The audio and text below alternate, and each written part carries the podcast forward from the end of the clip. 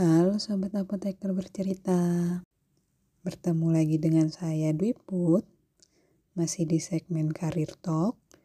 Dan kali ini saya sudah bersama dengan salah seorang apoteker Yang bekerja di industri. Halo Apoteker Revi.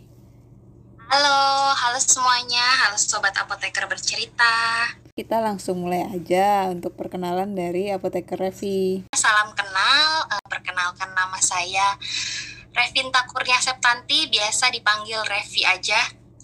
Ya saat ini saya bekerja di salah satu perusahaan swasta di Departemen R&D, uh, tepatnya di bagian uh, formulasi. Terima kasih Apoteker Revi atas perkenalannya. Selesai kuliah, Apoteker Revi langsung di bagian formulasi atau ada pengalaman lain sebelumnya? Jadi ini sebenarnya pengen cerita sedikit sih. Waktu awal kuliah dengan pekerjaan saat ini tuh sebenarnya masih sama kuliahnya uh, apoteker ya farmasi. Cuman uh, dulu cita-cita saat kuliah sama sekarang kenyataan saat bekerja itu agak berbeda nih apoteker Wiput. Jadi awalnya dulu saya kuliah kebetulan dari awal kuliah sampai apoteker itu saya ambil klinis. Hmm. Cuman ketika setelah lulus ternyata dapat kesempatan bekerjanya di industri. Okay. Nah waktu pertama kali saya kerja di industri itu saya sempat di bagian proses development, mm -hmm. uh, tepatnya di analytical development. Okay. Hanya sekitar enam bulan, kemudian saya pindah ke formulasi, tapi mm -hmm. masih di departemen proses development. Itu sekitar sekitar kurang lebih dua tahunan. Setelah itu uh, masih di grup perusahaan yang sama, baru saya pindah ke tempat yang sampai sekarang ini nih di uh, formulasi Research and Development Department. Oke. Okay. Itu ceritanya. Mm-mm. Berarti total-total udah berapa tahun ya itu ya pengalamannya berarti apoteker Revi? Total total uh, aku masuk kerja itu dari 2011. Berarti sekarang sudah hampir 9 tahun. Wah, panjang juga ya perjalanannya. Lumayan. Oke, berarti uh, paling lama kan di bagian formulasi. Nah, bagian formulasi itu sendiri tugas-tugasnya ngapain aja nih apoteker Revi? Uh, sebenarnya ka, dari katanya aja formulasi ya, dan kita kerja di uh, apa industri obat ya pasti memformulasikan obat gitu. Gampangnya sih begitu tuh apoteker Wiput. Cuman uh, dalam pelaksanaannya memang kompleks.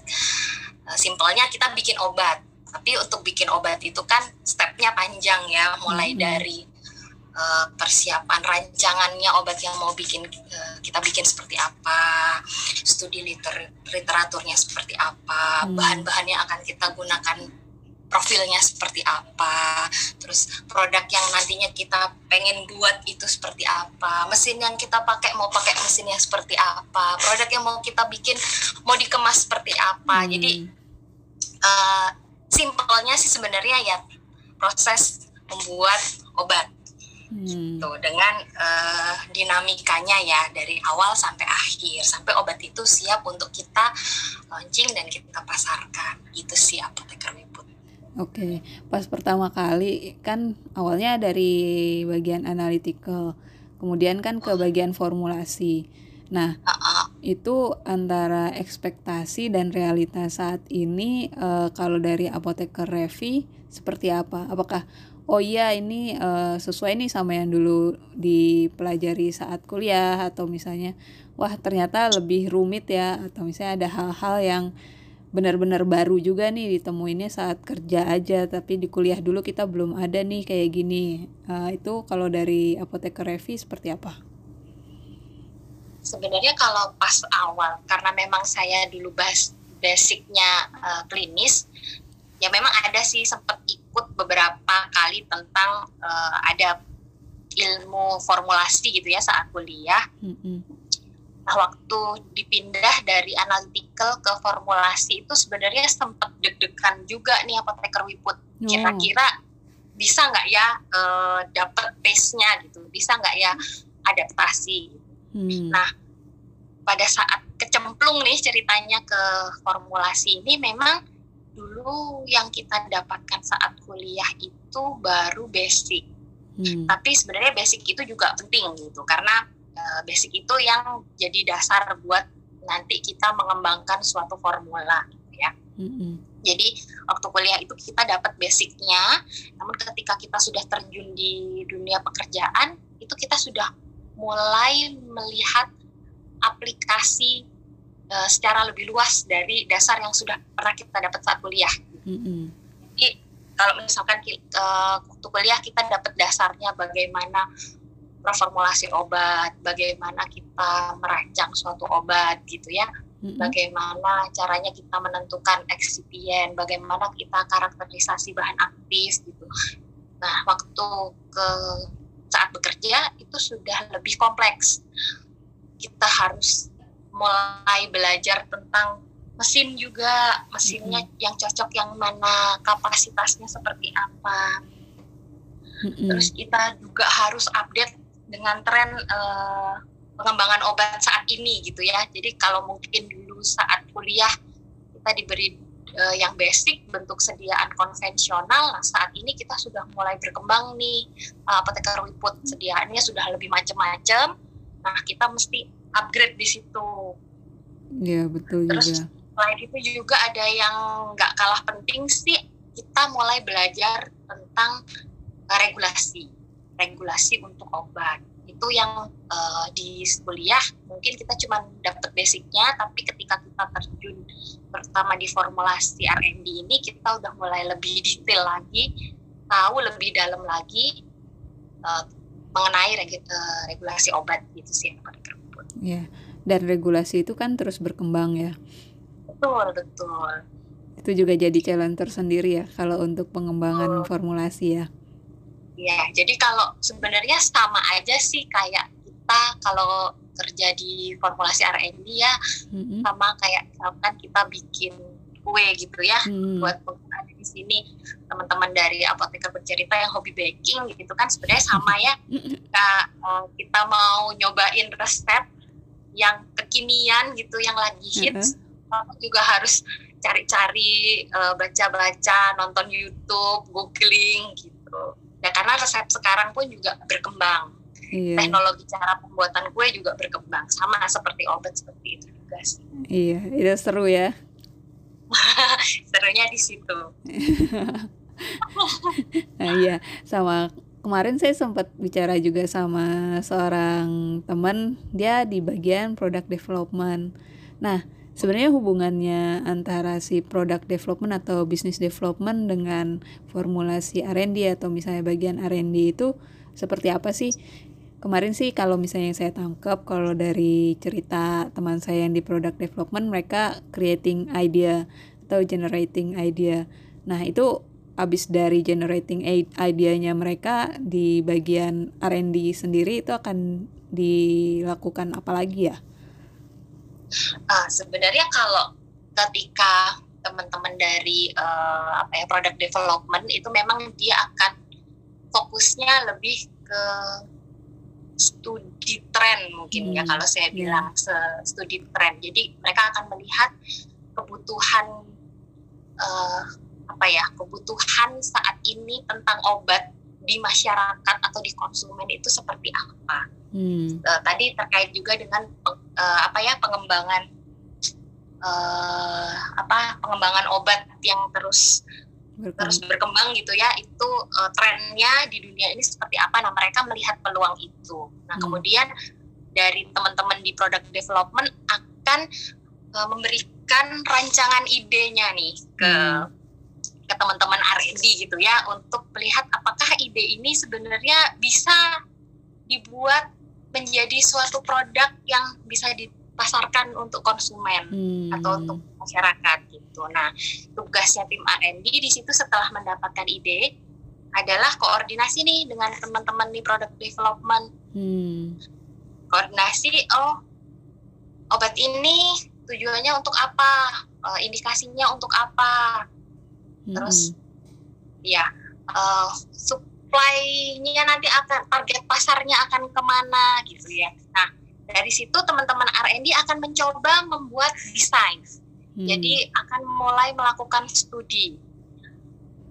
Okay. Dimulai dari studi uh, praformulasi, kemudian mulai membuat desain obatnya melalui uh, ini ya bisa pakai yang saat ini sedang uh, hits ya, menggunakan quality by design untuk oh. merancang suatu obat gitu ya uh, apoteker input.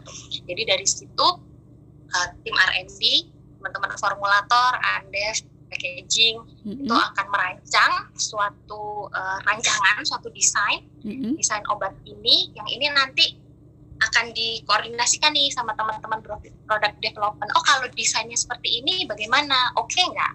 Hmm. Possible nggak buat kita uh, buat nih produk untuk nanti nextnya akan jika itu di oke okay nih setuju dengan desainnya akan dilanjutkan ke step selanjutnya di pengembangan obatnya. Oke, okay. berarti bagian realisasi dari ide yang masih di awang-awang ya? Betul. Iya, jadi saling berhubungan dengan baik. Oh, iya. Terus uh, kalau misalnya sekarang nih kan ya kita tahu ya perkembangan saat ini lagi di era pandemi nih kan malah sekarang bagian farmasi, bagian kesehatan itu banyak dapat sorotan ya untuk segera dapat mengembangkan produk-produk untuk mendukung pulih kepulihan dari keadaan pandemi COVID-19 ini ya. Nah, iya betul. Uh, kalau selama ini challenge terbesar yang pernah apoteker Revi hadapi dalam pengembangan obat itu apa aja ya? challenge-nya challenge terbesar itu sebenarnya adalah uh, kalau yang baru-baru ini saya hadapi kalau untuk ada dua ada dua challenge besar nih menurut uh, pandangan saya apoteker. Yang pertama jika tadi terkait dengan COVID itu ada challenge-nya adalah waktu hmm. karena uh, pada saat pandemi seperti ini pasti diperlukan Respon, uh, produk obat yang mensupport yang mensupport itu dalam waktu cepat hmm. itu challenge yang pertama sebenarnya ini juga kemudahan-kemudahan yang uh, dari pemerintah berikan itu juga sudah sangat membantu teman-teman di industri ya uh, yeah. dari pihak BPOM juga sudah memberikan kemudahan, nah, tapi tetap untuk development obat challenge-nya adalah terutama yang terkait dengan COVID ini waktu.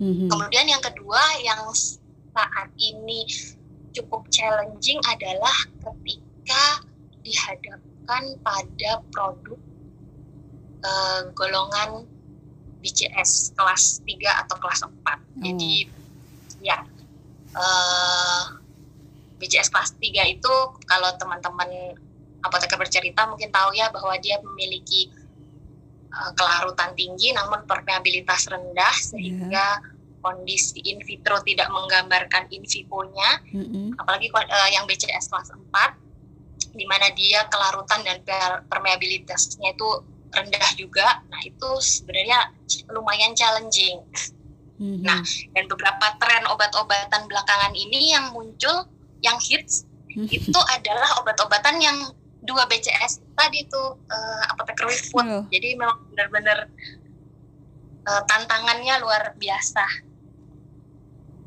Itu dari sisi apanya nih? Dari sisi pengembangannya ya. Kita kan ngomong dari sisi formulasi, dari sisi development produknya itu susah. Jadi uh, pendekatan-pendekatannya harus mulai lebih kreatif. Mm -hmm melihat dari berbagai sisi gitu karena ya itu tadi uh, untuk produk-produk BCS kelas 3 dan BCS kelas 4 terutama untuk produk-produk yang wajib uji bioequivalensi mm -hmm. itu butuh pendekatan untuk mendapatkan profil in vitro in vivo yang berkorelasi berkorelasi Iya, betul sih. Apalagi kelarutannya udah susah gitu ya.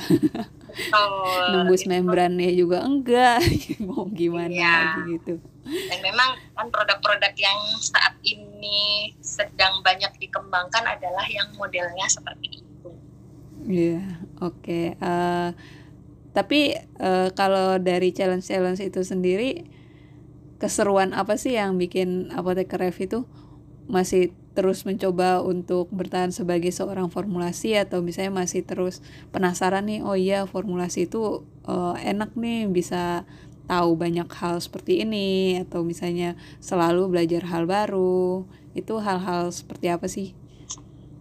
Iya, kalau kesuaranya tadi yang uh, sempat disinggung juga ya memang kalau di uh, formulasi memang kita akan selalu belajar hal baru, akan selalu melihat tren pengembangan obat baru dan yang bikin apa ya, yang bikin happy mungkin saat kita nanti uh, produk itu di launching gitu sih apoteker Wiput maksudnya hmm. itu kayak punya adrenalin tersendiri gitu ya saat produk yang kita kembangkan hmm. bisa di launching ke pasar dan bisa dinikmati uh, oleh masyarakat gitu yeah. sih uh, serunya itu di situ makanya yang aduh ya tadi balik lagi ke analogi bikin roti ya kalau kita misalkan bikin roti terus dijual rotinya laku banyak yang suka hmm. nah itu kan happy ya kayak wah sedang nih iya. nah itu sih yang bikin seru iya perjuangannya terbayar ya karena bermanfaat iya, buat betul. orang banyak iya iya betul uh, terakhir pesan-pesan dan tips untuk sobat apoteker bercerita kalau misalnya ada yang niat jadi formulator obat apa aja hal-hal yang harus mereka siapin dari sekarang nih atau misalnya mereka masih jauh nih masih SMA terus masih mikirin cita-citanya mau jadi apa ya nanti supaya mereka terinspirasi untuk juga ikutan jadi seorang formulator obat itu ada pesan pesan apa dari apoteker Revi? Misalkan teman-teman dari apoteker bercerita ada yang pengen menjadi uh, formulator, pesan saya adalah jadilah formulator yang kreatif, hmm. yang adaptif, hmm. dan yang uh, suportif gitu. Jadi karena formulator ini uh, akan berhubungan dengan banyak pihak, hmm. jadi tiga itu mungkin diperlukan untuk teman-teman bekerja di formulasi gitu ya selain basic ilmu pasti basic ilmu formulator itu pasti basic ilmu tentang obat itu pasti basic ilmu tentang development obat itu pasti namun itu tadi sih yang saya uh, garis bawahi adalah yang kreatif artinya kreatif di sini adalah uh, teman-teman itu mau belajar mau ingin tahu mm-hmm. mau terus mencari mau sering-sering membaca literatur Mm-hmm. Ya, yang kemudian adaptif, artinya teman-teman formulator itu juga harus uh, bisa menerima perubahan karena ilmu pengetahuan itu selalu berkembang. Betul. Jadi tidak melulu dengan yang konvensional, tapi juga harus mulai berpikir ke depan kira-kira nanti uh, desain produk yang akan disukai oleh konsumen seperti apa, kira-kira teknologi obat baru yang berkembang seperti apa, harus mulai ke situ dan suportif yang pasti jadi harus mulai pinter-pinter berkoordinasi dengan uh, departemen atau bagian lain yang berkolaborasi dengan si formulasi gitu sih Pak Apoteker Oke deh. Uh, udah banyak juga ya informasi yang didapat tentang karir seorang apoteker di industri sebagai formulasi di bagian R&D. Uh, mudah-mudahan sobat apoteker bercerita bisa mengambil insightnya dan juga ada yang ikutan tertarik jadi nanti ke depannya udah punya bayangan. Saya mau ngucapin terima kasih untuk waktu sama sharingnya dari apoteker Revi. Mudah-mudahan nanti kita bisa ada sesi selanjutnya. Sama-sama apoteker Liput terima kasih buat sobat apoteker bercerita